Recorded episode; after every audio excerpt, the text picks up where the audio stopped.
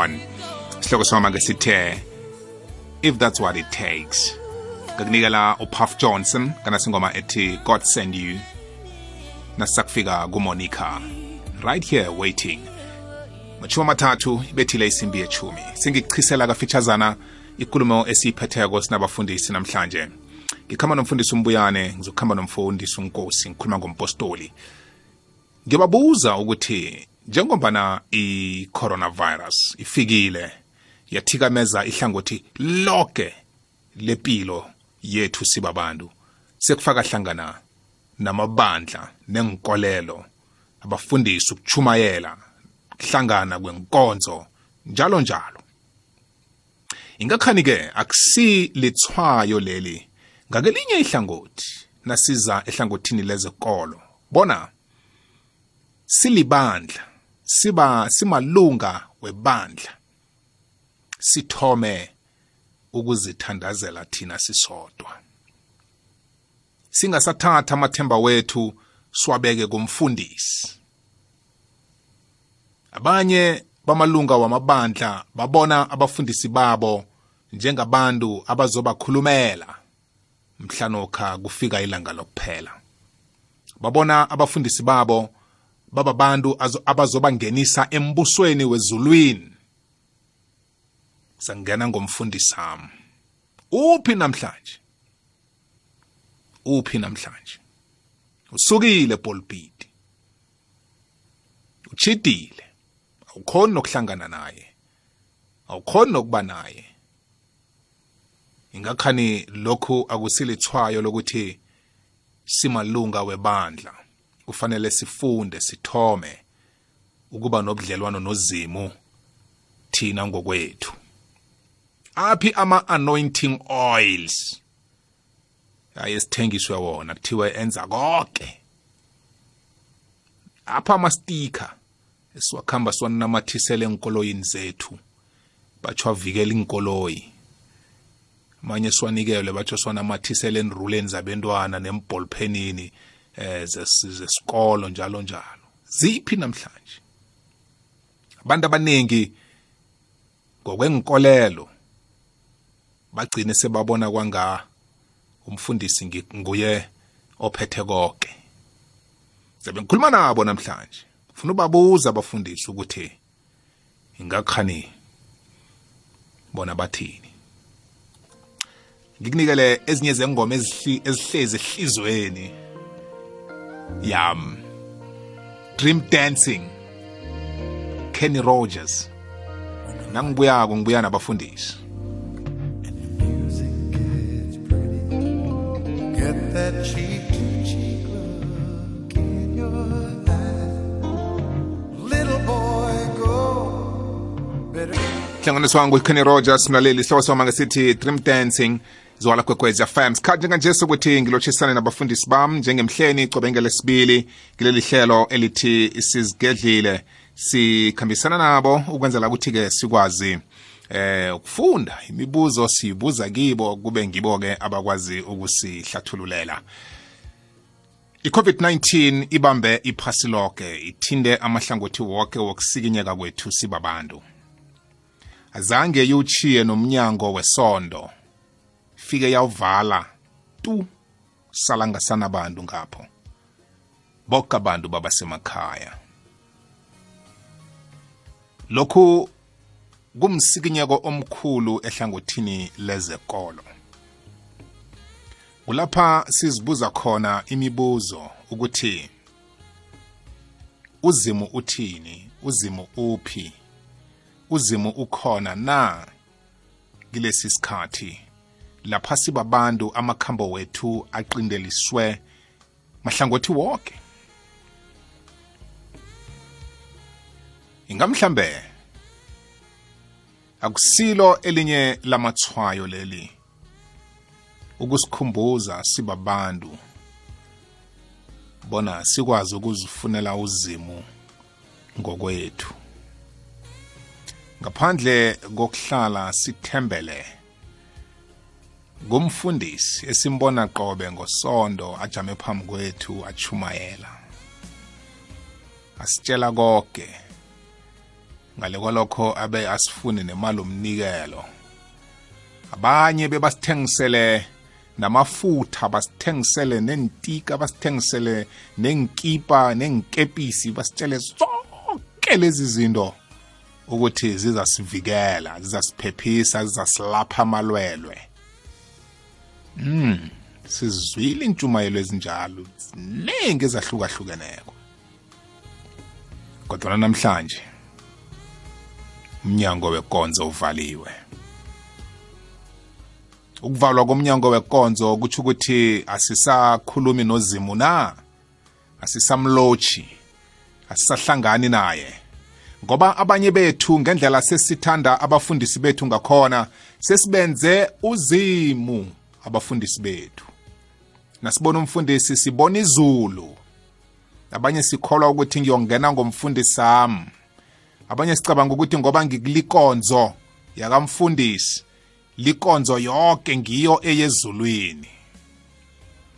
Unasiqiniseko bani ngalokho? Akusiso isikhathi lapha sibabantu namkha simuntu ngokuya ngokuya ngawe nami naloya lapha khona ukufuna ubuso bukazimu nokufuna iqiniso nokufuna iqiniso. Ngiyazibuza ukuthi apha amafutha ngalesi sikhathi ekuthiwa alapha konke nawulilunga lebandla lelo namhlanje ngale kwe-covid-19 ujame njani usaza wathenga amafutha lawo na mm. asibezwe mlaleli ngikhambisana nomfundisi umbuyane ngikhambisana nompostoli unkosi shalom mfundisi umbuyane Shalom Bishop. Uh nompostoli inkosi ngithi shalom. Um Shalom. umlaleli kakhulu ngoba silanje kungenxa yomlaleli ngithi shalom eh, ngithi shalom futhi kumaHebheru wonke. shalom mfundisi siyathokoza mpostoli ngiyakulotshisa ebizweni lenkosi yethu jesu kristu amen Bo bo ngilochise ngilochise ngithi shalom kumfundisi umbuyani lapho. Siyalochisa silochisa abalaleli bonke bekwekwezi FM silochisa semakhazeni eBelfast bobo. ngiyathokoza eh, Shalom mpostoli Pastor. siyakwamukela Amen. Amen. namhlanje khona ngimbetha amabhutsi angidisibezako angikhoni Eh, ukuhamba ngiyakuzwa, kabuthaka nizangiliwalela heyi engiwathwele namhlanje la yangidisibeza Ya, kunzima. ya kuyangikatelela ukuthi ngiwahuhubise madoda. Ngikhambe nawo siye phambili. Ah sekuzazwakala khona boba sikhambe. mpostoli kunencwadi elapha kuJohanisi wesibili indinyana izaba ngeyethumi nahlanu John 2 verse 15 la ekhulumisa khona uJesu nakangenako abathola bazenzela izinto ngaphakathi etempelini wabafaka isibebe wabafaka isibebe wabakhupha wabaqotha wakhupha imbuzi wakhupha nenkomo. Wakhupha konke wa- Mm. wahlwengisa. Yebo. Yebo. ngithule nje nginesithombe senkonzo namabandla ahlukahlukeneko abantu sibabantu simalunga esiwakhambeleko nesibekiwo nesimalunga wamabandla sibona izinto zenzeka ngaphakathi endlini yenkosi Hey. i-covid-19 ukufika kwayo ayikafiki ukuzokuveza ukuthi sibanjwa ikunzi lapha Hey. Sibanjwa ikunzi lapha. Akusiso isikhathi na mpostola ngithome ngakuwe sokuthi silibandla sifune ubuso bukazimu ngokwethu. Akhe ngizwe ngakuwe mpostoli Bobo ukhuluma indaba enzima and esibhekene nayo ekumele ukuthi singamabandla singabafundisi. Sisizwe kakhulu kakhulu bobo. Hayi kithi abafundisi kuphela kodwa kumalunga onke asemabandleni ahlukahlukene.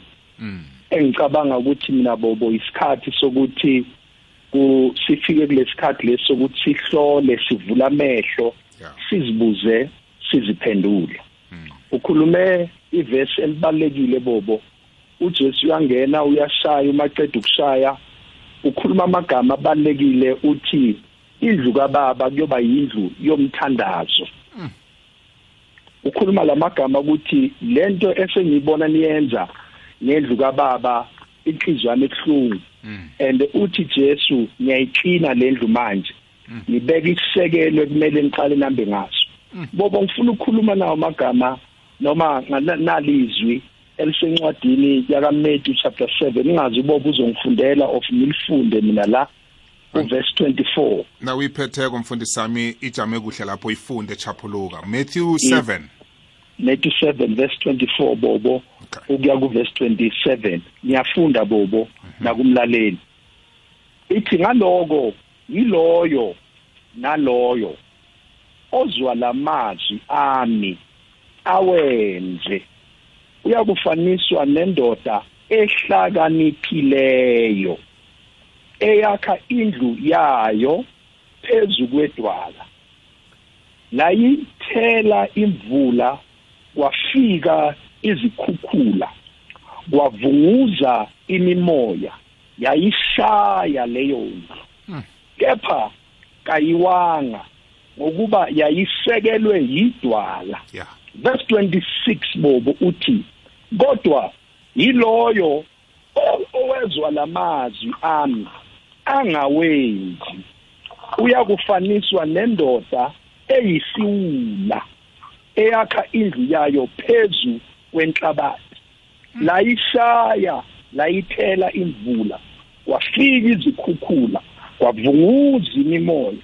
Yayishaya leyo ndlu yawa kwaba kukhulu ukuwa kwayo. Khuluma izinto ezimbili bobo engicabanga ukuthi zibalekile namhlanje kulesikhathi esibhekene naso. Ikhuluma uthi uJesu la yiloyo naloyo ozwa lamazwi ami. One awenze. Uyakufaniswa nendoda ehlakaniphile. Ngamamagama bobo sinohlobo lwamakholwa oluhlakaniphile. Yes. Silibona ngani uhlobo lwamakholwa bobo ukuthi uma lizwa izwi likaNkuluNkulu liyen li- liwenze lamazwi uNkulunkulu awakhuluma number 1 ukuthi umuntu noma ikholwa lihlakaniphile silibona number 1 hayi ngokuya esontweni kuphela bobo. Hayi ngokuya ekeregeni every sunday. One uhlobo lwalomzalwane ekumele ukuthi siqale silihlole ukuthi uhlakaniphile hayi ngokuthi ukhuluma english hayi ngokuthi uthenga izinto ezithengiswayo lamalanga kodwa number 1 uyalenza izwi likaNkulunkulu. Lithi ibhadeli kufika imimoya bobo. Kufika ivunguvungu. Zishaye phezu kwalento bekayakha ngenxa yokwenza. Bese lithi ibhayibheli uma iphela imimoya. Uyama iphela imimoya kodwa langapheli Mm. na indaba yambo? Bese lithi owesithu umzalwane yilo olizwayo izwi. Angalengi. Bese lithi ibhayibheli yisiwula leso. Ngoba lamalanga sigcwele abazalwane abayiziwula bobo esizokhuluma kakhulu bobo. Ezinye izinto bazibone zenzeka ngamehlo wabo. Babona ukuthi cha la ngathi sesiyeweni kodwa baye eweni bo ibhayibheli lithi lolo hlobo labazalwane noma lolo hlobo lamakholwa amakholwa bayakholwa bo hayi ukuthi abakholwa kodwa bayiwula. Balizwa izwi. Bayaya enkonzweni bayaya emasontweni imihla ngemihla ngabe abanye bakhonza 7 days bayaya kodwa uma baya lapho abayi abayi bayolizwa balenze. Bayo bayo- bayelikolizwa libakitaze bobo. Ayi. bajabule bezwe ubumnandi bashaya izandla bathi go deeper men of god bathi basho lokho abafuna ukukusho. Kodwa uma sekumele balenze bangalenzi bese lithi ibhayibheli nakibo ke bobo. Uyafika umoya ushaye njengoba ushayele kuloya owenzayo. Okusho ukuthi uyenza imimoya iyashaya bo. Ukuthi uyenza akusho ukuthi imoya ayifiki. Nalo ongenzi kwafika imoya yashaya. Bese lithi ibhayibheli umehluko ke phakathi kwalabazana ababili bo. Lo ozwile walenza imoya iyashaya imoya iphele bese yena uyama. Mara lo ozwile angenzanga imimoya iyashaya idlule nayo. Isikhathi ke bobe sisoke manje. Osohlukanisa abenzi bezwi nabezwi bethu ibambe lapho mpostolami kancane ungakadluli. Kunephuzu engifuna sihlalekilo kancane ngoba licakathekile and ulithintile. Ngenzeka ukuthi omunye umlaleli wethu akakaliboni yes.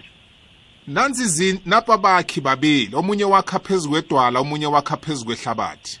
Yebo. Sikhuluma ngekholwa. Elakhela ukukholwa kwalo ukuthi lakhe ukukholwa kwalo phezu kwasiphi isisekelo. Yebo. Now ngifuna ukuyithumela kilo ochumayela izwi yes. ukuthi lo ozakuzwa izwi akwazi ukwakhela phezu kwesisekelo samambala. Yes. Ingakhani akuveli ukuthi laba abachumayela izwi ebesithi bayalichumayela esithembe ukuthi bazalichumayela. Abakhulumi izwi kodwana bakhuluma indaba ezikitazako sicabanga ukuthi sakhe phezu kwedwala kanti sakhe phezu kwehlabathi. Yes. Very important bobo. I think u- uveza iphuzu elibalulekile ngiyabuya bobo ngibuya kulolu hlobo aba- aba- ababili labazalwane lamakhono. Abahlakaniphile nabayiwula. Yeah because uma uhlakaniphile bobo uzothi ungena esontweni lakampostoli uChris uhlale phansi. Ukuhlakanipha kukwenza ukuthi ukwazi ukuthi uhlole ukuthi la ngiyaphila la kushunyela izwi likaNkuluNkulu noma kushunyela izwi lakampostoli. Eyi. Ukuhlakanipha kuloko ukuthi ufike uhlale ulalele uzwe. Uma uzwa cause ukhetha iBhayibheli nawe bobu uma uma uhleli lapho umpostoli uChris athi uyashumayela kumele ukuthi uma uhlakaniphile urelate lento umpostoli athi uyayishumayela uzwe ukuthi yithi taza mina kuphela na noma yizwi kaNkuluNkulu la mm yiyo yokuqala efanele siyilungise leyo bobo because abafundisi singasho lokho esifuna ukukusho sibablame sibathole. Mara bobo mina ngiphinde ngisho ngithi abantu abazokwazi uk- ukustopa inonsense eyenzwa inceku zikaNkuluNkulu lamalanga abazalwane abazohlakanipha ngoba kunesikhathi esiphila kiso sifuna abazalwane abahluzekile nabahlakaniphile abazokwazi ukuhlukanisa izinyoka noma izimpisi zabafundisi eh nezimvu zabafundisi. Because kubalekile lokho bo. Kubalekile kakhulu lokho because uma uzo uzoba umzalwane oyisiwula uzolandela yonke inkolo. Uzolandela yonke inkulumo. Noma uyibona ukuthi lento le iyangiwisa lento le ngifake enkingeni lento le ngifaka eh, e- eweni ngifaka esikhogweni. Uyongena udonse because awuhlakaniphanga. Eyi. but uma uhlakaniphile uzokwazi ukuthi cha yabona ke la umpostoli uyangilahla. Ake ngisuke because angikholwa bobo ukuthi kuna kunomfundisi ophethe iketanga ofosa abantu ukuthi bamlandele. Mara ngenxa ukuthi abazalwane isikhathi esiphila kiso baphila kulento lesibiza ukuthi bajahele into zikaNkuluNkulu bangafuni uNkulunkulu wezinto. Oh. bafuna into zikaNkuluNkulu kodwa abamfuni lo nkulunkulu wezinto. And lesikhathi bafuna lezinto bese uyavela umpostoli uletha izinto kodwa angavezi lo nkulunkulu walezinto. And uma sizobafundisa abantu bethu bobo ukuthi aku asakhi ezintweni kodwa sakha phezukwedwala ubani idwala? uJesu. Uma sizofundisa abantu bazi ukuthi uma ngene esontweni angivelanga izinto angivelanga imoto. Uthi uDavid uma ekhuluma uthi impela okuhle nomusa kuyangilandela angigijimisi angikufuni. Bese uthi uDavid ngiyakuhlala endlini kaJehova. Hayi endlini kampostoli. Ah. because fanele sikulungise nabo bobo lokhu ukuthi kunamasonto lamalanga agcwele. Isonto bobo kunomehluko phakathi kwebandla likaNkuluNkulu nesonto labantu. Mm. Ngoba lamalanga sakha amasonto ethu isonto lakampostoli. And abantu baye esontweni likampostoli abayendlini kaNkuluNkulu. Mm. Ngiyacabanga ukuthi le nkulumo esiyikhuluma yilathi izoveza khona ukuthi kulesikhathi esikitho se-coronavirus uthini uNkulunkulu? Usibuyisela kuphi? Yes. Ngoba ibandla laqala bobo azange lazalwe emasontweni kodwa lazalwe ezindlini. Yeah ah. Sizoya lapho bobo ila sizofika khona. Ngiyacabanga nomfundisi umbuyani ila sizogijimela khona. Ukuthi njengoba sihlele ezindlini Yes. amabandla okuqala azange aqale kuma-building lawa esifuna ukuthi abantu baye kiwo manje. Yeah. kodwa aqala ezindlini zabazalwane. bafunda khona ukuthandaza emizini yabo. Bathi uma bephumela ngaphandle begcwele amandla kaNkuluNkulu wokwenza umehluko. Hmm. Bathi amandla bawathola kuphi? Ezindlini zabo. Postoli ngibawa sibambe lapho. Uphose amaphuzu amakhulu naqakathekileko engikholwa ukuthi umlaleli wethu njengoba sikhamba naye nje kuvuleka amehlo kuvuleka ingqondo kuyaqaquluka kuyasa emkhumbulweni. Ungakhohlwa umlaleli ukusithumela iphimbo lakho. 0800 siku-whatsapp number ethi 079 413 2172 ngathi kungangena abafundisi khudlwana khe ngibezwe khe ngibezwe ukuthi bahlezi njani la bakhona? Kunjani bafundisi lapha emakhaya? Eh khe ngizwe nebandla nje amabandla nihlezi njani lapha emakhaya? Angiye kumhebhero ngiya kumfundisi umbuyane ngelikhulu ithabo ngoba sinomfundisi umbuyane kade siyibamba lento kuleli hlelo. Ngikarwa nayikulumo yakampostoli unkosi yazi ungena kamnandi kuleli hlelo ngathi sihlala siba naye njalo.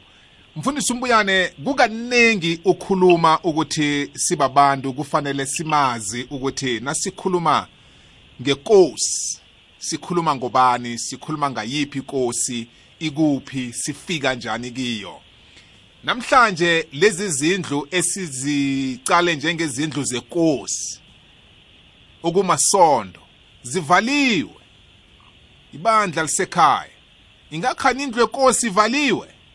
Mfundisi umbuyane angikuvumele ungene endabeni. Uzayithoma la ufuna ukuyithoma khona.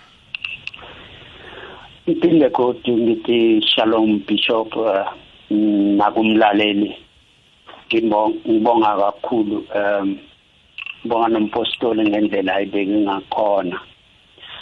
Eh bobosi eh angithome ngo- eh, ng- ng- ngenye la ivesi. Angazi noma u- u- uphethe ibhayibheli eduze Li- Exodus Exodus 13 verse 21 u-exodus 13 verse 21 yeah. Uverse 21 siyayiphendla mlaleli. Ithi yona usomnini wakhamba phambi kwabo nges- ngesika yelifu emini bona ibahole. Ebusuku yaba yisika yomlilo bona ibakhanyisele. Ngaleyo ndlela baphumelela ukukhamba ebusuku nemini. Yabona le lenkulumo eh, ijule kakhulu kubo uma ungayilalelisisa kahle. Eh uthunywe uMosi ukuthi ayokhipha abantwana bakwaIsrayeli. Kodwa asuMosi abe phambi kwabo. Kwakuhamba usomnini phambi kwabo. Um namhlanje eh amakholwa afanele afundiswe ukuthi u- u- okhamba phambili ngubani. Um labo zenzo eh chapter 1 abapostoli bayambuza bathi enkosini awu ngabe so umbuso kaIsrayeli uyovusa manje? Inkosi nayo baphendula ithi no- eh, umlaleli ngayifunda izenzo 1 verse 6 7 8 eh uthi naye baphendula asokwenu ukuthi nazi izikhathi ezibekwe inkosi. Okwenu nizombathiswa amandla. Hambani niyolinda eJerusalem? Nize nibhathiswe amandla. Then kusuka lapho ni niyoshumayela okokuthoma uma amakholwa angafundiswa ukuthi amukeliswe ukuthi umfundisi abafundise ukuthi bancede ukwamukeliswa umoya ongcwele. Noma umfundisi ekhuluma amala ngeke bamuzwe. Noma ebakhipha endleleni ngeke bazi ngoba nakungenamoya ongcwele bayolalela nje ngendlela zabo zenyama. Kodwa uma umuntu enomoya ongcwele ngeke ulahlekise noma kanjani ngoba nekala nje ephuma endleleni umwengcwele uyakutshela ukuthi sowuyabheda manje. Asiyo ndlela engakhuluma ngayo asombhalo engiwulobile ngoba umunye amibhalo yonke yalotshwa umoya ongcwele kusukela kuMosi kuba profeti nakuba apostoli. So izwi nomoya ongcwele ziyakhambisana ngoba izwi livela emlonyeni wenkosi moya ongcwele nguyo okuvula ukuthi uzwe. Yabona iBhayibheli noma ungaya kwayiphi iyunivesi emhlabeni ekuthiwa ingcono uyofunda iBhayibheli uyabuya nalo lithule litethu kodwa wasuka waye enkosini eh wazithoba waye enkosini yonke into iya iyavuleka.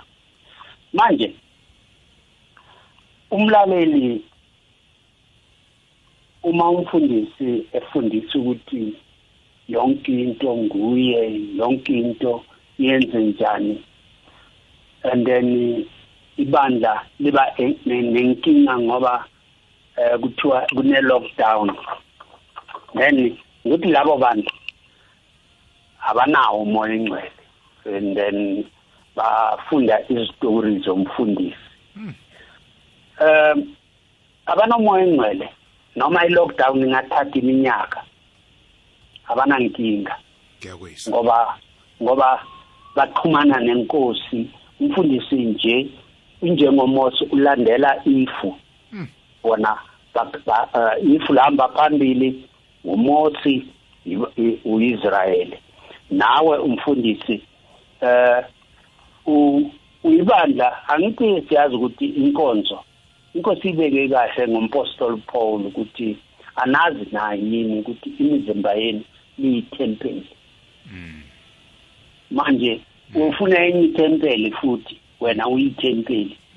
Angithi angithi abantu bayakhuluma kodwa bangazizwa nokuthi bathini. Nabangene kuleyo hall abangena kuyo kuthiwa isonto lingenile angithi.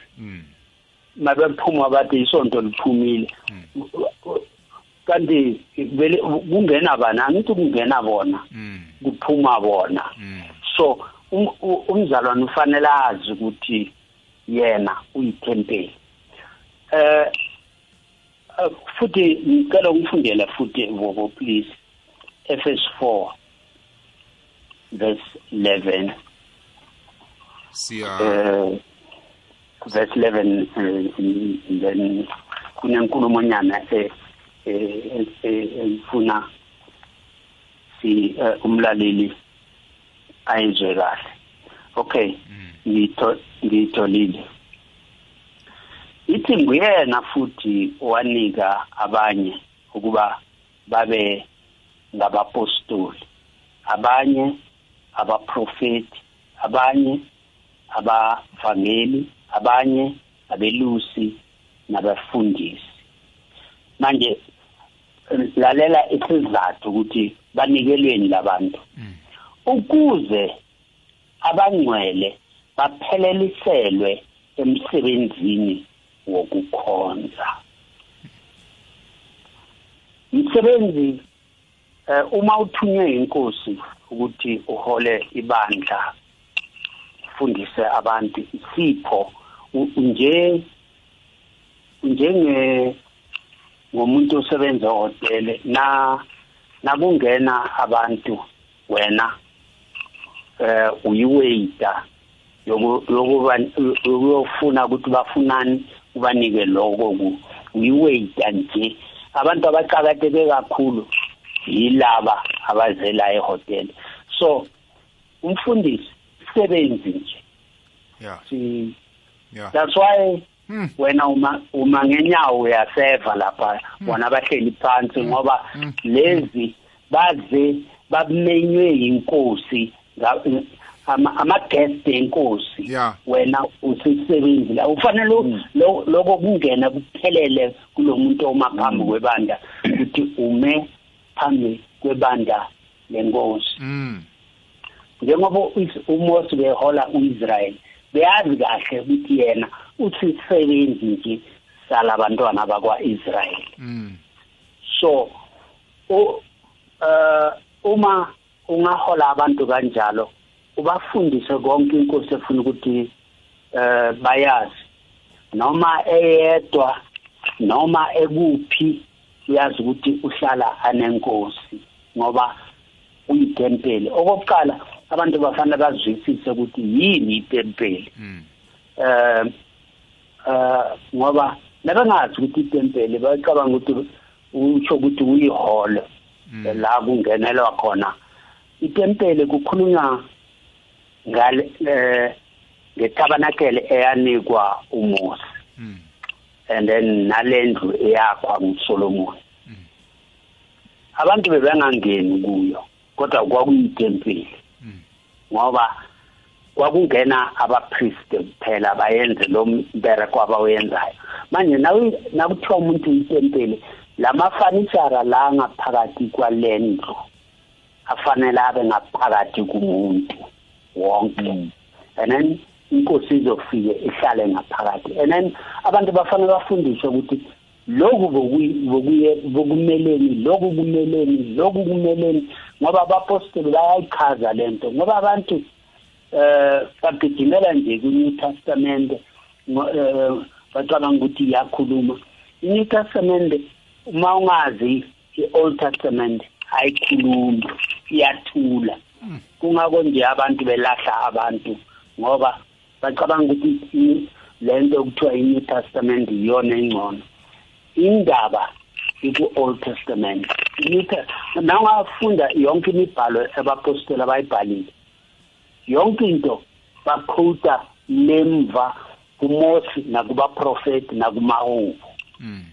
ngoba indaba ilapho imfihlakalo yonke ilapho umapostoli nathi uyitempeli usho lokho. Ngiyathanda le verse evulwe umpostoli la kakhulu.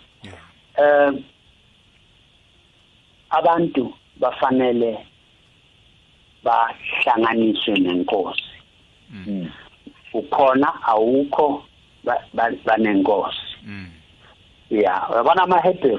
Abanankinga nje njengoba ku noma noma le lockdown ingathatha unyaka abanankinga amaHebrew wonke ngoba bahlanganiswa nenkosi sonke isikhathi.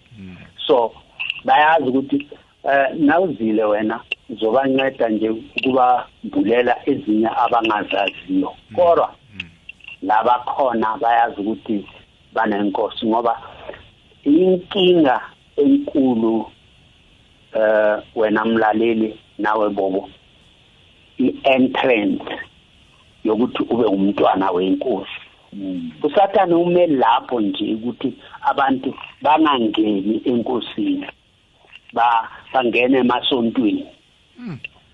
And then uma umuntu angahluleka la ekuqaleni egazini nasemlilweni nasemanzini ubhalile.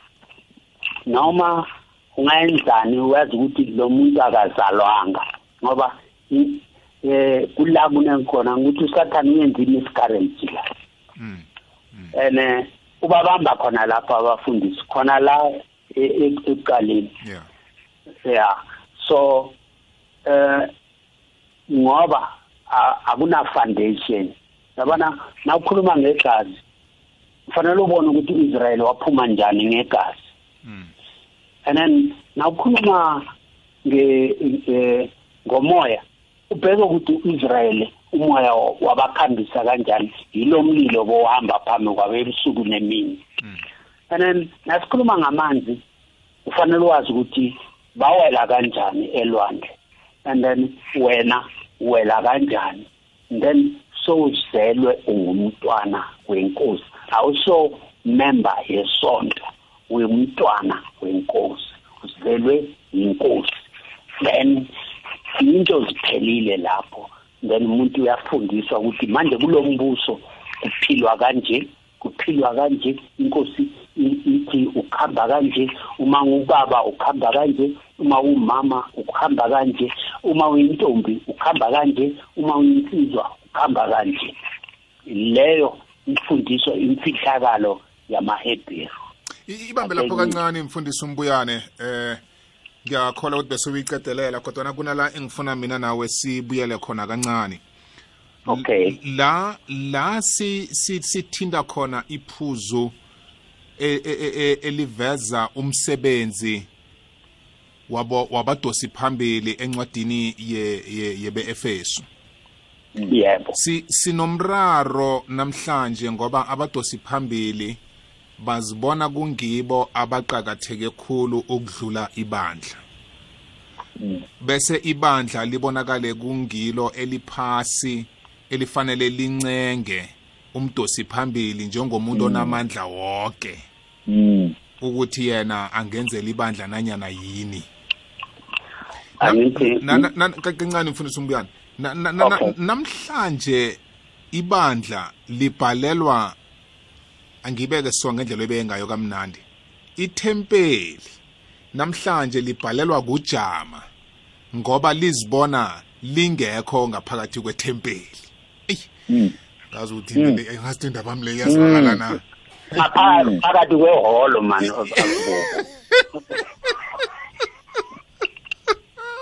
esakhiweni ithempeli lizibona lingakapheleli ngoba lingekho eholweni. Aha uyibeke kuhle man. Ku- ku- kula sinomraro khona mfundisi umbuyane namhlanje. La sibuza khona ukuthi ingakhani ibandla? Lifanele lilile kangako na? Ngoba kuthiwa isondo livalile. Eh kubonakale kwanga ithempeli likazimu si- sinaqiniso bani ngalokho? Bengifuna nje ubiyele lapho kancane ngoba into ebonakalako kubonakala ngathi kuvalwe. Iplatform yabadosi phambili. Nakuvalwa yona ngathi kuvalwa ibandla namkha kuvalwa ithempeli. Ba- baze baboshwe. Ya ya. Babizane thina asingeni leyo. Mm. uyazi eh bobo yonke lento njengoba ngisho uma abantu befundiswa bayazi ukuthi noma umilapha phambili uyinceku ethunywe inkosi Mm. kukhona abantu abathunywe inkosi eh, bobo si- singakuphiki lokho. And then kukhona abantu abazithume bona. Yabona? Mm. so umuntu ozithume yena vele uzoyenza okwakhe. Mara othunywe inkosi uyenza kuphela loko inkosi ithe makwenzi kwenziwe. Mm. and uh, asithathe abaprofeti. Ah, angithi ikhulumela ngabaprofeti lapha. Um nawungalalela nje or ubheke kuma-tv uzo- uzova indoda ethi now i'm going to prophesy. Mm. eqinisweni uma ulikholwa sowuyezwa ukuthi lo akathinywanga inkosi ngoba eh abantu bebeza kwabaprofeti boIsaya boJeremiah. Mm. bazobuza ukuthi hey kunenkinga enje? Awusibuzele enkosini Mm. uJeremiah athi buyelana ekhaya ngizokhuleka ngicela inkosi. Naye seyinike impendulo. Ngizoza ngizoninika yona. Uyayizwa le nkulumo ukuthi ithini? Mm. akathi imani la ngiyaprofita ulimela inkosi izomnika umlayezo. Mm. Ukuthi yonke into kufanele uyenze nge-order yenkosi. Hayi wena. Wena uyisithunywa sokuthi useve abantwana benkosi. Ngendlela ubayenze ukuthi bakhona ukukhonza bapheleliselwe ukukhonza inkosi. Ngendlela inkosi ifuna ngakhona. Yin- yinto umfundisi othunywe inkosi afanele ayenze. Noma umshumayeli noma ngumprofeti noma ngumpostoli kufanele ayenze leyo nto. Kufanele wazi ukuthi uyoyenzani U- u- ubeke i-foundation ezwakalayo. And then eh nawuqeda nasowakha wazi. Umpostoli Paul kukhona la e- endaweni enye uthi eh mina ngibekile i-foundation. Labazoakha kuzobonakala ukuthi omunye bakha kanjani? Ngoba omunye wakha ngegolide omunye akhe ngezingodo omunye akhe ngotshani. Kodwa wonke omunye yonke imyakho inakhiwe izotestwa ngomlilo. Mm. manje mawucabanga leyo nto um nawungambuza nje umfundisi asakhuluma uthi alright yini le golidi yini lo tshani yini lezi ngodo Paul akhuluma ngazo? Mm. then uthola ukuthi ngempela ngempela akayazi nokuyazi leyo nto. Mara uh, bakhona abafundisi abaningi abathunyiwe uh, abathunywe inkosi uh, angifuni kakhulu khona la e-south africa. Mara naye qala athi ufundisa iqiniso abona abantu banibalekela ba- babalekela ku- kulaba abaphethe ama-magic. Mm. hayi naye ubona kungcono ayothatha i-magic. Mfo ungasala nomuntu oyedwa umfundise eh mara ungaphumi eqinisweni Mm.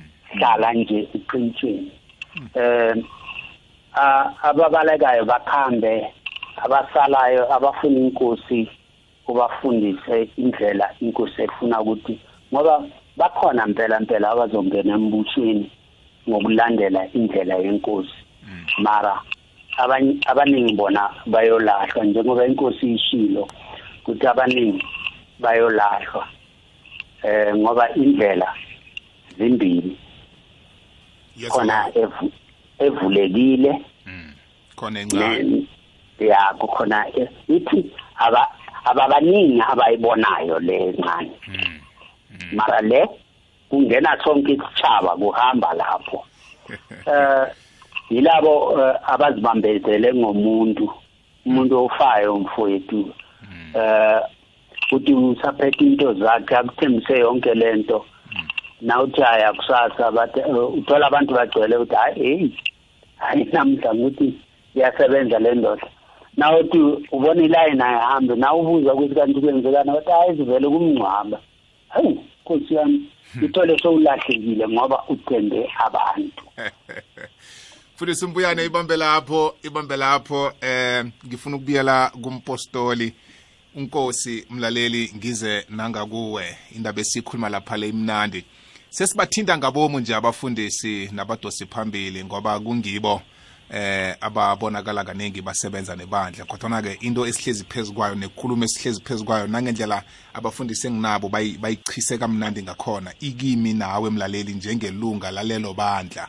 Ukuthi njengombana kulesi sikhathi se-covid-19 amasondo wethu avaliwe semakhaya uzimu wethu sikhuluma njani naye? Kula kuvela khona ukuhlolwa ukuthi ukukholwa kwakho kuhlezi phezu kwasiphi isisekelo.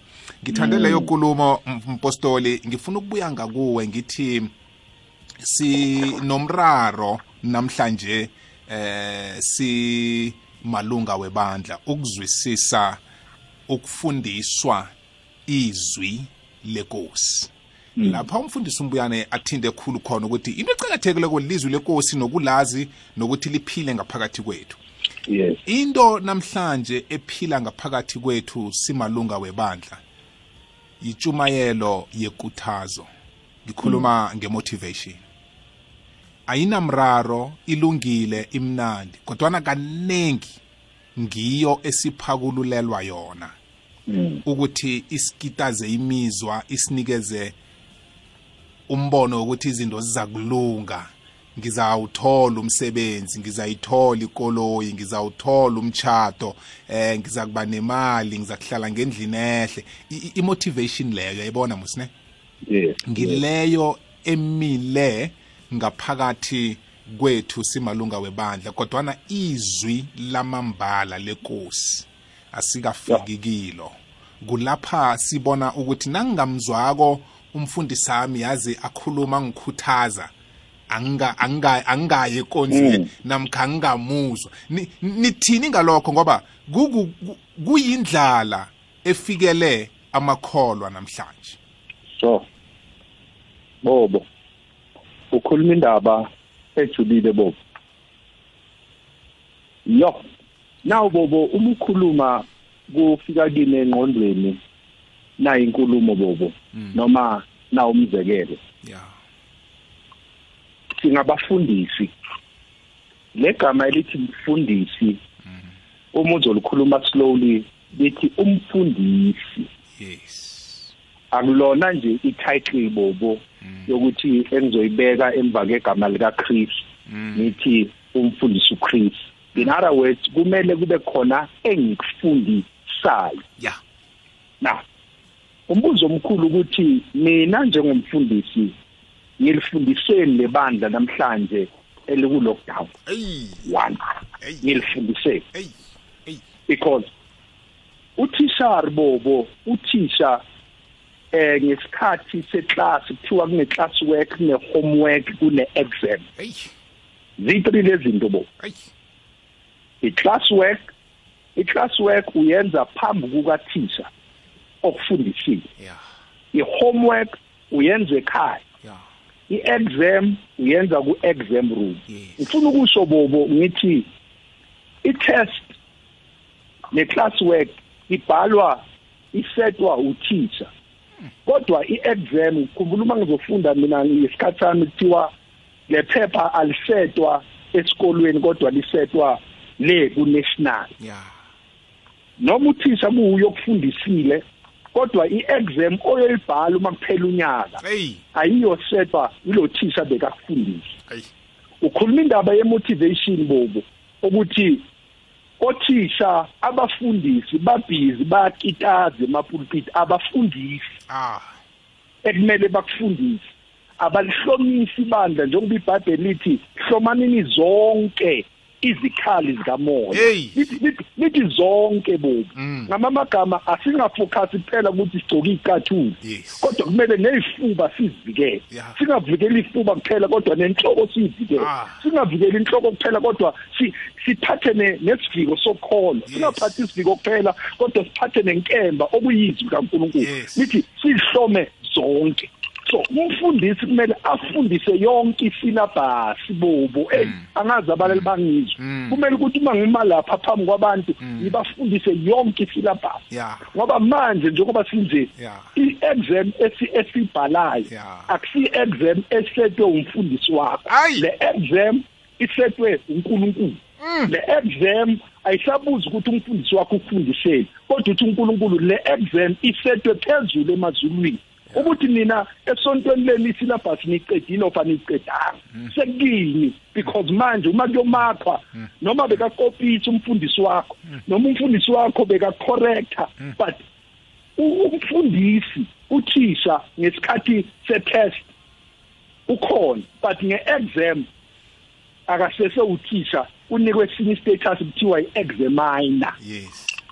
Seka ngamamagama noma noma umbona ukuthi uye lo okufundisa imath ubhala imath awusakhona ukubuza ukuthi manje lana kwenze njani? Because sokuyi-exam bo isikhathi esibalulekile bobo ukuthi into ebalulekile njengoba sikhuluma uyikhuluma le ndaba ukuthi abantu maba-understand ukuthi uma ubona ukuthi le class lesikolo ofunda kiso asifundisi kahle mkhiphe lo mntwana. Noma phuma uyofuna isikolo esifundisa isyllabus yonke. Njengoba injalo. Hayi le ozwa ngathi iyakitaza kuphela kodwa ake sifundise yonke isyllabus singabafundisi ukuze sikwazi ukuthi sakhe ibandla engizokwazi ukuzimela ku-exam. Bobo mina i-covid-19 ngi- ngiyibona njenge-exam ukuhlolwa nje ukuthi labantwana bebaya esikolweni baye emasontweni each and every day babusiseka bakhala sibabeka izandla bathandaza benza zonke lezi. Ababhali exam bobu yeah. Sikabafundisi asesabafundisi manje sesima-examiner Yeah. sesimane si- siyahlola sithi kuhamba njani? Yeah. Yeah. Akekho okhalayo kithi manje kodwa se- soyisikhathi sokuthi apha umuntu ozongifonela kumele angifonele athi mfundisi ngikhumbula kunentshumayelo eso naso naso naso. Ngoba uma sisumela kumele baphathe incwadi kuyabhalwa kuyafundiswa. Akuzelwanga esowini akuzelwanga uzobukela sikho yabona lento ekhulumile bobo lamalanga uma ungabu- ungabukela izinto esizenzayo singabafundisi. Singena ngathi yithi iteri ngathi yithi abojesu abancane Yeyi. kusalwe thina izandla kwenze yonke lento lo. Kodwa manje bobo isikhathi. Ayi. sokuthi kubhalwe exam ayi Hayi. ababhali abazalwane ababhali labakhona sibafundisile ukuthandaza sibafundisile izinto and-ke ebeba-attend isikolo esibiza ukuthi um kulamalanga atho ukuthi kuthiwe um le college lena iyafundisa mara ayikho emthethweni. Yebo? Mm. ufunde ufunde unyaka wonke uthi uthi uthola isitifiketi bathi uphasile mara uthi uyofuna umsebenzi bathi le- le le certificate sakho imbobhayi ayi ayi.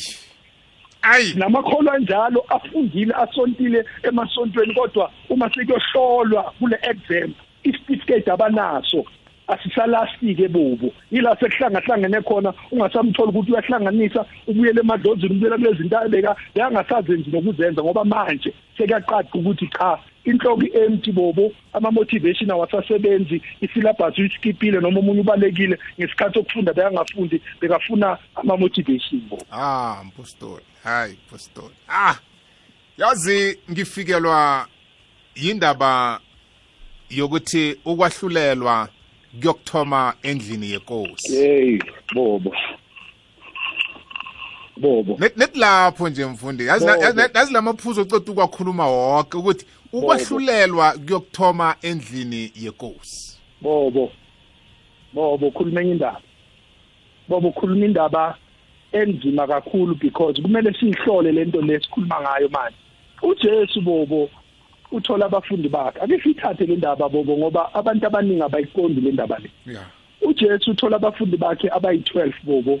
Uthi kibo ukhuluma inkulumo epowerful bobo enamandla. Yeah ithi uthi uJesu ngilandeleni ngizonenza abadobi baba akathi hambani obabadobi babantu uthi landelani mina ngizonenza. I3 years yonke bobu uhlala nabo uyabafundisa. Yeah. Khona ngelinye ilanga akhipha amadimoni kodwa bamfunda bafunda Jesu. Ngoba bemfunda bamfunda lo Jesu bathi no no no uJesu uyawakhipha ama- amadimoni uyabavusa abafile wenza izimanga mara kune secret ayenzayo lo muntu lo. Bathi uma bahlala naye bathi Jesu ake usifundise ukuthandaza. Abathi sifundise ukhipha amadimoni abathi sifundise izibusiso abathi sifundise impumelelo bathi sifundise ukuthandaza. Ila kwazalwa khona lo mthandazo uJesu a- a- asifundisa wona athi baba wethu athi manithandaza non- abonithi baba wethu ose for 3 years bobo uyabafundisa. Ubatshela kusekabajikela uthi emadoda mina ngiyahamba phela. Mina ngiyahamba kumele ngife. Bakhala bathi Jesu angeke ufe wena whatever. Uthi uJesu no no uma ngingahambi lezi zinto ebenginifundisa zona zi-useless. Eish. mara ukuhamba kwami kuyobonakala lezi zinto enginifundisa zona. Yeah and ibandla lazalwa mhlazana uJesu angasekho. Nami ngiyakholwa bobo. Ngathi abantu bangangizwa abafundisi bangangizwa. Ukuthi sinebandla. Yonke leminyaka akukhombisi ukuthi lesinebandla Yeah. kodwa uma siyophuma kule coronavirus labazalwane bebahleli uma sebabuyele emasontweni khona sizobona ukuthi ngempela ibandla sinalo. Yes. ngoba ibandla lavuka mhlazana uJesu angasekho. Kwavela kulithi ibhayibheli umfundisi ubuyani uyithintile le ndaba ukuthi lesikhathi sebaphiwa amandla amasha. Abangathandazi manje emizini yabo abangenzi izwi emizini yabo abangenzi lezi zinto bese bafundisayo nemizini yabo. Siyobabona mhlazane sesibuyela e- ezindlini zokukhonza ukuthi ngempela la lo beyangafundi lo lo lona urusile lo lo naloku naloku naloku naloku. lendlu seyiphephukile. Phephukile bo phephukile uyobona mbasa angena eminyango lapho ubona ukuthi ah la bengithi ngomzalwane ka next anginamzalwane ah! Ah hayi hayi hayi khuluma namhlanje madoda. Siku-089 zinomboro zethu zomtato ongena ngazo lezo mlaleli. Uthumela iphimbo lakho ku-whatsapp number 079 413 2172 mfundisi umbuyane ngiza ngakuwe ngiya kumlaleli. Yazi ngithinda lindaba nomprofe no- nompostoli la. Yokuthi siyakitazwa simalunga webandla sicabange ukuthi siyafundiswa. Akhe ngizwe kumahebheru ukuthi imfundiso zicakatheke kangangani ngoba uvezile ukuthi nina nimahebheru kule lockdown abaninyakaziseki anisisemrarweni ngoba nizwisisa imfundiso. Ukufundisa nje mfundisi. Okay ngiyabonga. Ubu ikhola lehamba ama stages amane. And uh, uma angahambanga lama stages kuba budisi ukungena embusweni. Stage sokuthoma lesi ngisishilo kufanele azalwe abe ngumntwana kazini. Stage sesibili kufanele abe yitempeli yena ene stage sesithathu kufanele abe eh, isoja and then stage sokugcina kufanele afundiswe ukuthi abe ngumakoti. Wonke amadoda nabesifazane baba ngumakoti. Eh manje kulezi stage lezi zifundiswe zakhona. Inkosi izibekela emhlolweni manje uma lo muntu angafundiswanga eh ukuba itempeli angazi nokuthi utshele nje ngokuthi uyitempeli yena yena akazi ukuthi itempeli na nakuthiwa itempeli ubheka leya hall abangena kuyo. Uthi awungukuthi ngilento nangazi ukuthi itempeli yini vele vele uyobheka iholo mara nawuzwisisa ukuthi itempeli ufundiswe ngayo ukuthi nakuthiwa uyitempeli ufanele ube nje ube nje ube nje ube nje ube nje ubale yonke into umuntu azwisise kahle. Then kusuka lapho uthi manje siyangena ukuthi uzoba isoja manje. Umfundisi umpostoli uyithintile le. Yokuthi uhlome ngezikhali zonke. Yes. Manje ukuthi sowuyolwa manje and kufanele wazi ukuthi ulwa kanjani ulwa nini nokuthi ulwa nani? Aha. Kakhulu kufanele wazi ukuthi isitha sakho kufanele usazi. And then usuka lapho ufundiswa ukuba ngumakoti. Manje eh nawufunda lapha ku Sambulo 1967 ithi eh umakoti uzilungisile. Yes. Angeke azilungisa angazi ukuthi uzilungisa kanjani. Urimpi ukuthi umyeni mayefika eh i-bridegroom mayefika intole sembethe ithi wambathiswa ingubo emhlophe. Ngoba uzilungisile. Ithi le ngubo emhlophe imisebenzi yemihle yabangcwele. So umuntu ngeke azazi lezinto mangafundiswanga bubo and mihla le ngizama ukukontaktana nabafundisi ukuthi sixoxe le ndaba ukuthi ngoba sithunywe umsebenzi munye sisonke eh bubo. Ukuthi senze angithi le FH FH4 enifundisi ithi la labantu laba abanikwe lezipho ukuthi ba bayenze ukuthi abangcwele bafikelele enze ekukhoneni ukukhonza. And then umzimba kaMashiach Yeshua wakhiwe. And eh so wakha kanjani? Omunye adonsela le omunye athi ibandla lami omunye athi le. Kanti umsebenzi wethu sonke ukuthi siyenze lo msebenzi. Labantu banikwe umsebenzi munye bonke kunethe ngama skill ahlukeneyo. So uma abantu bangadluli kuzo zonke lezi zinto engizibalile eziyi4 hayi kuba budisi eh bubo Satan uyashaya phela akadlali ngihlala ngizwa amanye amakhola behlabelela bathi uSatan ujump ama fence uSatan akajump ama fence uyashaya uSatan mfo. Akadlali. Yabona nesikhathi ayo attack uJob.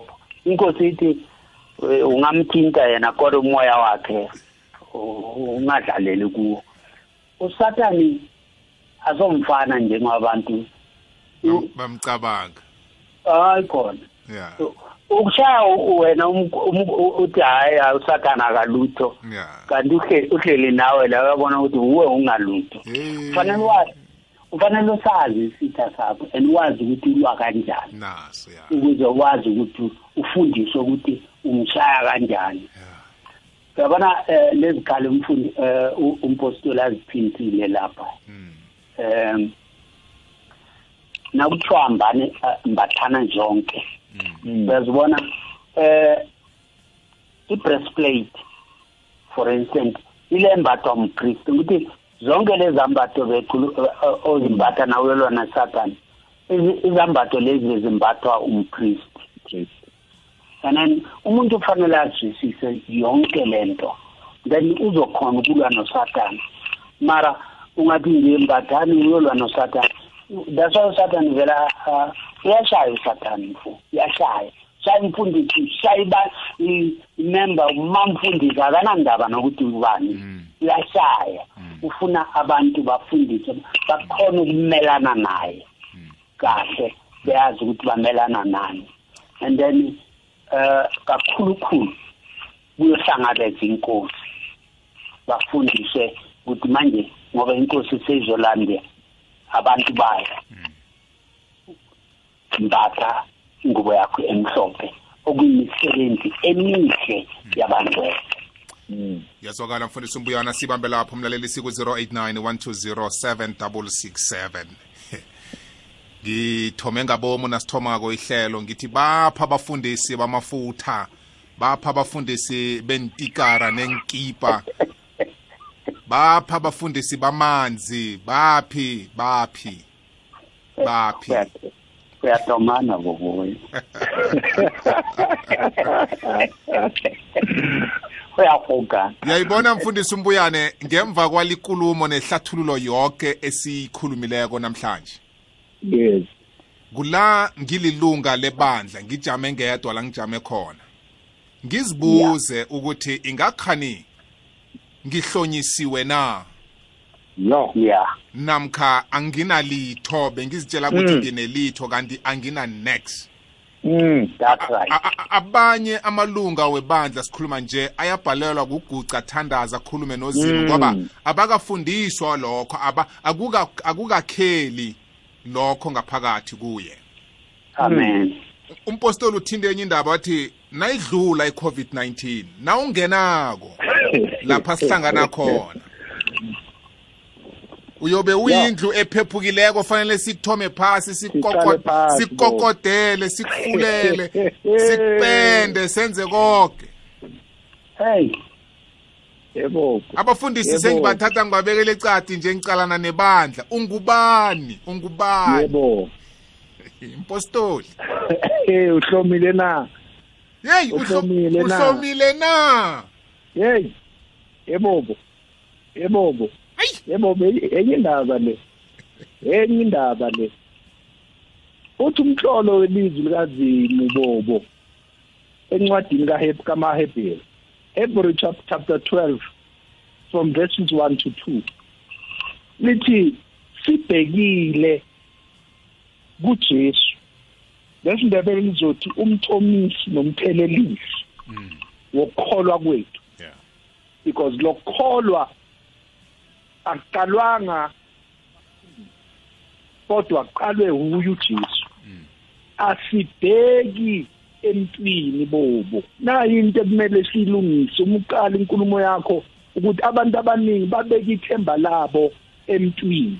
So njalo ibhayibheli lithi uqalekisiwe umuntu othemba lakhe. Lisemntwini noma lowo muntu angumfundisi Ah. noma lo muntu lo edume kangakanani kodwa lithi ibhayibheli kunesiqalekiso esibekwa phezu komuntu obeka ithemba lakhe emntwini.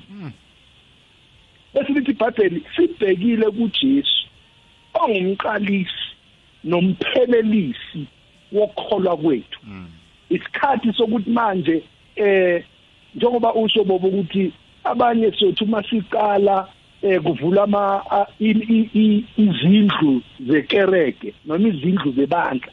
Uma sizivula kumele siqale phansi kuthiwe ngathi bekunama-red ends aphula imikhukhu abanye imikhukhu kumele sofuna isipikile sikokodele ubone nje ngena la. But isikhathi bobo sokuthi lokho besifundisa sifundisa abantu baqale bakusebenze empilweni zabo bo kwamambala yazwakala mpostoli mlaleli ngiza ngakuwe siku-089 120 7667 imtato ethi ivuliwe ungadosa njenganje ungene ukhulume nathi.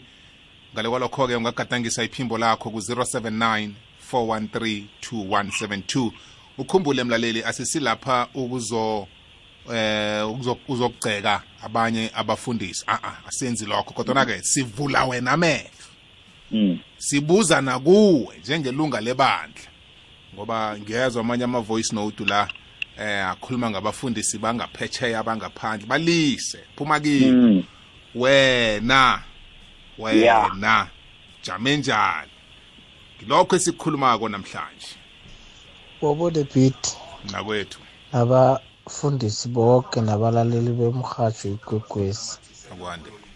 Hayi le ekhulunywayo le hayi akwazeki ukuthi umfundisi angaba indlela yakho yokuya ezulwini okanye indlela yakho yokuthandaza.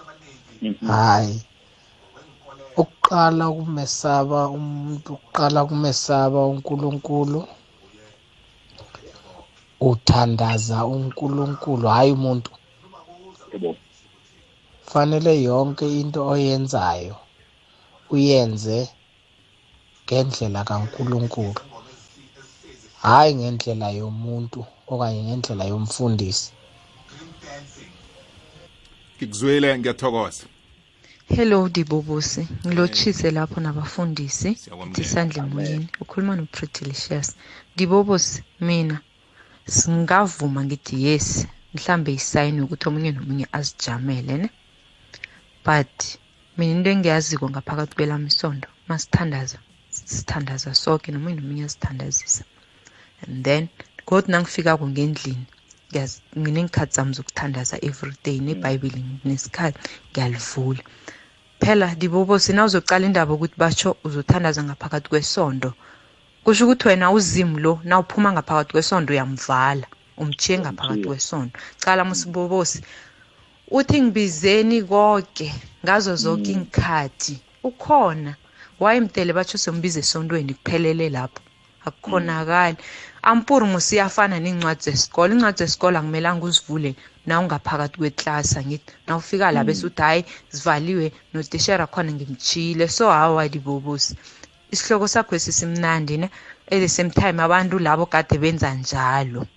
Kosele bacabange ngokutsha nje. Kuthi enhleke enhleke bona uzimu lo bambiza njani? Bavalelisa ngaphakathi esontweni ichaye ngabafika ngendlini abasambizi na? Ngiyayibona ukuthi njani ngithokoze dibobosi ube nobusuku obumnandi. Thokoze mina pretty ube nobusuku obumnandi nakuwe. Sizomunye umlaleli emtatweni kwekwezi. Siba usicimela umhatsho ngemva kwakho.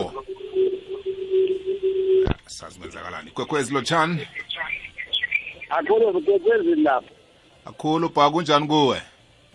Awa ngiyaphila kabuthaka mani ubaba Ngilalele uba- ubaba ubaba Mgu- umhlalukwane. uba- ubaba untoli mhlalukwane umfundisi babuntoli ngumhlalukwane esprings okay awusimfundisi? Awa angisimfundisi bankhulu. Mina kade ngifuna ukuphaka isihloko sanamhlanje singijabulise khulu. Ngiyakuvumela. Kazi ubobo indaba le bobo. Mayiyangichaza kangangani. Sona lekhethi ukuyibeka ukuyilandelela uyibuze. Namhlanje abantu nabangakaphandluluki ukuthi ekeregeni bayelani mm bayokwenzani. Yeah. Akuberegeki. Bobo namhlanje abantu kumele bathole isifundo phezu kwalobu budisi esiphezu kwabo e-coronavirus. Amabhodlelanyana amancancane la njengoba bowutoma isihloko esi ngendlela ehle. Mm sekubonakala ukuthi awanabereko bobo. Impilo isehliziyweni yomuntu. Mm. Umthandazo ukuwe. Yeah. Ungazochugululwa muntu akwenzise into yakhe ngoba afuna ukwenza ibesahedi ngawe. Mm. Kubudisi kakhulu ngoba abantwana babantu balambile. Angikhumbuli ukuthi lamasondo lawa amaningi la siwathandazako siwathandaza umuntu ukuthi ngathana uvela ubuncane kezivele umfundisi oyedwa njengoba bekuyi-good friday nje. Kuthiwa bona babu bebafuna siyekile boba ngithokoza kangangani? Unengiveso angeke ngisahlala ngingasangeni maye mna babuntuli ngithokozile ube nobusuku obumnandi lapho. Kazi ngibereka ngelori ebusuku la ngikulalela right through ngiselayinini bengikhohlakhohla ngifuna ukungena. Boba uhlale wenza njalo ngizomthagisa maye ekhulumeni. Ngithokozile. Thokoza mina baba. Awuzeke ikwekwezile siyakwamukela? Ya nona ungaphungula umhatsho ngemva kwakho uzokhona ukuthi uzwakale emakhaya. Sibuyele ku-whatsapp sizobona sithola bani? Bobo. Hey yazi wankara ke namhlanje kade sidliwa. Yazi kade sidliwa. Nasi corona ke basihelebheke basinikeze ama-anointing oil intikara yazi nophatha indaba isitikara nginaso nami ngendlini na sisemawodrobheni. Heyi emakamereni abantwana yeyi siyafake nje abasihelebheke bafundisi aziphethe indaba emnandi khulu.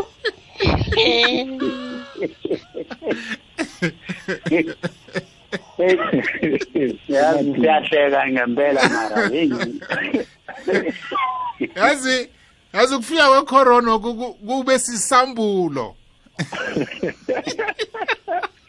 Yebo. Mpostoli. Yebo bo. Akumatini akumatini akumatini hlukanisa hlukanisa izinto nezimbuzi ya no kuyahlukaniseka nje kuyahlukaniseka. Abahlukaniseka no isikhathi sakhona bo. Isikhathi sakhona isikhathi sakhona bo ya ya asizwe omunye olandelako ukuthi yena uthini. Kwekwezi siyakwamukela? Ungene. Okay uza kubuya umlaleli wethu asiphakamise omunye ku-whatsapp sizobona sithola bani hayi bobo. Hello ma. Ngiyanizwa. Mm. niyakhuluma ya. Nomfundisi. Mm. ngiyawasaba amaphuzu wenu ngiyawahlonipha. Namhlanje si abafundisi bakhe insonto ezihle. Uyazi bathengelwa izembatho bathengelwa mabandla. Uyazi bobo angazi ngithini? Kusho ukuthi nginithulela isigcoko nomfundisi. Uyawabeka amaphuzi baba. Uyawabeka. Angazi konke ngithini. Ngisola amagama ukunitshela ukuthi ngithini. Uyazi abantu aba bayagcoka bakhuluma ilizwi bagcokile babahle kuberegisa oli. Namhlanje sikonhleke angazi so ngisanilalele angazi ngithini ethi ngihlonipha amaphuzini wakhulumako ukuthi nangathana soke abantu silalele ngiyathokoza. Thokozile ma ngamanye amagama kuyasa kuyavuleka amehlo. Yes loja bb yebo. David. Siyathokoza khuluma nofanuel mlambo indoda ebezimu. Siyakwamukela fanuel. Heyi ngiyanizwa nginilalele. Awu ihlabile. Iyazwakala. Nithi nyathela khona lapho. Heyi ah nginilalele. Ubabambile abafundisi. ngiyathokoza. Thokozile fanuel Nayi- nayizwakale nezimbabwe no izwakele. Ya notenda mkoma notenda. Ah notenda. Chabobo, akwande ukhuluma nosibongile ngeverena. locha sibo Bobo nginilalele nomfundi nabafundisi. yes. Uh mina bobo ngikhumbula kunezwe eBhayibhelini elithi Zimo simfuna satholakala. Yes. Simfune asatholakala bobo. yes yebo Nje umbuzo uthi ngabe usatholakala kwabanye na? Njengoba bangasayi emasondweni. Bangasabona abafundisi babo. Ukholo lwabo lulingekile. Mm. kunje la kuza kubona khona ukuthi bakholwa kangangani? Hey. Bajame phi? Ingabe kibe empilweni zabo usekhona usomnini na? Ngiyathokoza. Sithokozile tatabo. Thokoze khulu kwamambala. Yeyi uveza amaphuzu acakathekileko akusi akusi Usatholakala na? ya usatholakala na? Nokuthi ukhona ngaphakathi kuwe na? Ya. eyi eyi eyi ya. Ufuse- usele ulweni. Angibingelele um sithokoze nceko kankulunkulu angibingelele bobo. Siyakwamukela. Eh ukhuluma no-fb kangcobo ngisempumalanga la ngikhona. Siyakwamukela. Ziyazwakala isihloko okhuluma ngaso nceka nkulunkulu eh bobo njengomhathi esifuna ukuphakamisa singabazalwane kule insuku zokugcina la kucabiseka khona iprofetho. Ngezwe abaningi bayasho ukuthi akukhulekelwe le covid-19 akukhulekelwe lokhu akukhulekelwe lokhu. Yebo kuhle ukuthandaza. Kodwa bekufuneka ukuthi amakholwe ame esikhaleni kule insuku zokugcina asho ukuthi konke kuphelile. Isikhathi sokuthi unkulunkulu azibonakalise isikhathi sokuthi unkulunkulu azolanda ibandla lakhe. Uma ufunda incwadi kamateyu chapter 24 uthi umbhali lapha uthi banyonyoba bethi inkosi sitshela ukuthi lokhu kuzakwenzeka nini. Uthi akukhona oyedwa owazi ihora ukuthi lokhu kuzokwenzeka nini. Kepha kwa- kwazi uze uthi namuntu nanoma ubani nandodana unkulunkulu kuphela. Manje uma ufunda incwadi kamateyu chapter 24 iyicacisa kahle bobo ukuthi kunabanye abayofika ngegama lami. Lethi lingabalaleli ya namhlanje i-covid-19 izivezile siyazibuza abafundisi bama-oyili baphi. Baphi ababeka idiki emotweni baphi abasinikela izinto ey'phathekayo abo-oli oil. Thina sithi singamakholwa siyambonga unkulunkulu kugcwaliseka iprofetho. Futhi ngiyambonga unkulunkulu ukuthi konke lokhu kwenzeke ngisakubona bobo kwamina ingivulile i-covid-19 ukufika kwale eligciwane lifike ngesikhathi esihle. Yonke into imile. Kwangathi iphupho nangesikhathi sika nebukadnezari lithi ibhayibheli kwamisa konke bakhishwa kwathiwa beze kukhonzwe isithombe. Kepha amadoda amathathu udanyeli basho beno-abednego ukuthi ngeke bakhonze isithombe. Isikhathi sokuthi sibuyele kunkulunkulu isikhathi sokuthi amadoda aphamise izandla akhuleke athi nkulunkulu sonile phambi kobuso bakho. Kudingeka abobaba bazoma esikhaleni kudingeka ibandla elizoma esikhaleni. Le mkhuba esizwa yenzakala kulamalanga uze ubaba kuthiwa urephe ingane uze kuthiwa kubulewe ingane uze kuthiwa kufuneka izinto ezinje. Kepha sithi thina sesekhona ukristu. Ngiyabonga bobo Thokozile. angathatheli abefundisi uhlelo. Ngiyathokoza. Kuthokoze thina. Nakuwe uzima kwenzele kuhle konke kwamambala. Siyathokoza. Bobo nabafundisi bakho. Akwande. ithekeliza kubobo. Aha. Eh nginendaba enye lapha mina engayizwa ngumama wami ngiba ukungazitsho igama lami. Eh umama wami ngaboma 2003 wathi kimi wathi endoda lalela ngitshele. Wathi nesikhathi esinye sokufika la ngeke abafundisi babe khona.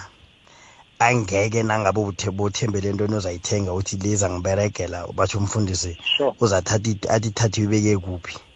Engeke sisaba khona leso sikhathi. Athi umama wathi kimi wathi omunye nomunye umuntu ngaleso sikhathi uyobathembe amadolo akhe omunye nomuntu ngaleso sikhathi uyobapholisa mithandazo yakhe ngaleso sikhathi sokufika leso sikhathi. Manje ungizwisa ubuhlungu nangithi ngisibhekile yiso leso sikhathi lesi esesiguqa ngamadolo sizithandazisa thina omunye nomunye eromini lakhe lakhona and yena akekho kwanje. Okungiphatha kabuhlungu. Wakhuluma ngo-2003 lokho yena wabhubha ngo-2010 so namhlanje akekho manje nangithi ngiyabala almost for ma-17 years into ayikhuluma ngitshelwa nguye. Namhlanje uyayibona. Hayi yano ngibezwile. Mlaleli ukhulumile angibuye nga- ngakini bafundisi bami. Ngenxa yesikhathi ngikwazi ukuthi nginikele nani ithuba lokuthi ni- ni- ningachiyi konke ngemva. Angithome ngakuwe mfundisi umbuyane mlaleli ukhulumile. Ngiyazibuza ukuthi lesi sikhathi esikiso namhlanje mfundisi umbuyane akusingiso isikhathi sokuthi umuntu azihlole bona ubudlelwane bakhe nozimu bujame njani? Ungaphawula ngalokho ungaphawula nangamaphuzu womlaleli. Eh bobo inkosi ithe la kuMateyu 24 um lapha izikalo nje zezinto. Eh lento mazenzeka itenina ingathuki isiqalo yakhumbula ngo 2000 abantu bebethukile bathi iphasi liyaphela. Eh izikalo lezi zinto zisazoyenzeka kusazoyenzeka ezidlula lezi vovula la kuseseziqala nje. Um amakholwa afanele azi ukuthi inkosi isindiswa isindisa ngendlela eziningi. Kwiza 57 ukhuluma kahle. Abanye basindisa ngokubabulala ngokubathatha. Abanye basindisa ngokubasindisa. Mara thina into esifanele siyenze ukuthi amabandla afundiswe iqiniso. Abantu bahlale beready ukuthi inkosi mayibuya ngempela abantu bangabhayizi ngoba eh umfundisi odlala ngemiphefumulo yabantu abwazi ukuthi igazi lalabo bantu liyofunwa kuye. Umfundisi ufanele atshele ibandla iqiniso elipheleleyo. Mana angazi into yabona mina angithi bayangifonela bangibuze thola ukuthi lento hayi mina ngiyazi. Anginamahloni umtshela umuntu ukuthi ngisayofuna ngiyazi le yeah and then ngifune nangitholile nomfonele ngimtshele ukuthi hayi ngitholile lento bongibuza yona imi kanje kanje kanje. Manje umfundisi azenze ngathi wazi yonke into. Eh inkosi esipha lokhu kancane mara eqinisweni abazalwane lesi nje ukuqala kwezinto zokubonakala ukuthi inkosi yeza. Eh kule minyaka eyadlula ngabo 1300 kwayenzeka okudlula lokho i-black death yashaya ngathi ampur 50 million yabantu. Yabhubhisa bokufiwa lapho. Manje la at least abanye bayaphepha bokungaphephi umuntu kodwa yonke lento bokunje ukuqala kwezinto. Kusazoyenzeka okunye inkosi ithembise kahle ukuthi amakholwa angakholwa ngempela bazocela intaba ukuthi siweleni eh ukuthi babona ukuthi kufa iyona into engcono. Ngakho ke ngiyacela kumakholwa kubafundisi kakhulu nawe mlaleli. Eh ake ngempela ngempela ufune uNkulunkulu ngamambala nokuqinisa. Umlando umfundisi nakuzovulwa nje umlando ngempela akutshele iqiniso eliphelele mangazi hayi man ufonele ubobo ufuna umfundisi ozokunceda eh sizokunceda. Mfundisi mbuyane ngithokozela sibambe lapho anginikele umpostoli ngaphambi kobana silayelise. Mpostoli kafeaturesana nje sengilahlekelwa sikhathi. Maphuzu avezwe emlaleli nangamaphuzu wesihloko sethu sanamhlanje. Bobo sithokoze kakhulu. Abalaleli kuyakhombisa bobo ukuthi kukhulu abakuzizile siyakholwa ukuthi bazokwenza and bazohlola. Ngifuna ukusho lokhu bobo. Kunestory se sendodana nobabakhe kwakubanda. Ngathi bekubanda kufana njengala emakhazini bobo uyaphuma ubaba utshela indodana ukuthi ake sihambe siyokapha inkuni because kuyabanda kisibasi bayabasa inkuni zokuqala ziyaphela.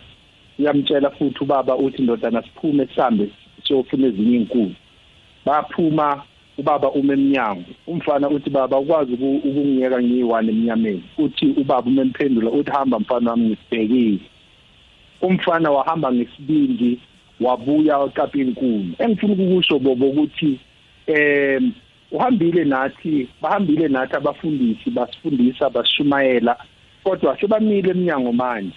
Basiyeka sambe siyozikapa lenkuni ezisizile safuthumala. And manje hayi ukuthi abekho bobo hayi ukuthi basilahlile kodwa sebamile. Ngathi uNkulunkulu uthi ngenani kule coronavirus kunzima kona kodwa i'm watching you ngathi khuluma uDavid athi olondoloza uIsrayeli akozeli futhi akalali. Ungumlondolozi wethu abalaleli mabakhuthazeke. Bazi ukuthi nanoma kunje asizigabhi inkuni sibuye sibase umlilo bo. Ngithokoze khuluma mbala mpostoli. Ngithokoze khuluma mbala mfundisi umbuyane. Mfundisi mbuyane singathoma ngakuwe silayelise emakhaya. Eh balaleli di yathemba ni nisizwile please. Nisalakele kuba ku- kumahedero bangakhohlwa ukuthi sisemkhosini okubala insuku ukuze kufike ipentecost. Sisesukwini lesine namhla. Eh kuze inkosi yethu ithe sibale la ku Levitico 23 kusuka ku 15 senza lokho ke manje ukuze sifeze intando kaZimo nilale kahle eh, mm, bazalwane nikhuleke kakhulu onga nawungasindiswanga uvele uqale manje u- ukuze usindiswe uzophepha egameni lenkosi. Shalom. Shalom mfundisi umbuyane mpostoli singalayelise emakhaya. Bobo siyathokoza kakhulu sithokoze kubalaleli abathethe isikhathi sokuthi basilalele. Ingathi uNkulunkulu angasisiza sikhuluma amagama akhulunywe upresident ukuthi we will overcome this we will recover. And siyakholwa ukuthi lokhu kuzodlula uma kudlulile bobo uma sakhile phezu kwedwala eh angeke sidlule nako thina sosala simile. uNkulunkulu akubusise kakhulu nawe bobo siyabonga kakhulu ithuba osinike lona ukuthi sikhulume nabalali bakho. Thokoze khuluma mbala mpostoli uzima kwenzele kuhle konke ninomfundisi umbuyane sabuya sihlangane kodwa emahlelweni alandelako. Sithokoze bobo. Amen. Right silijamisa la mlaleli kwanamhlanje.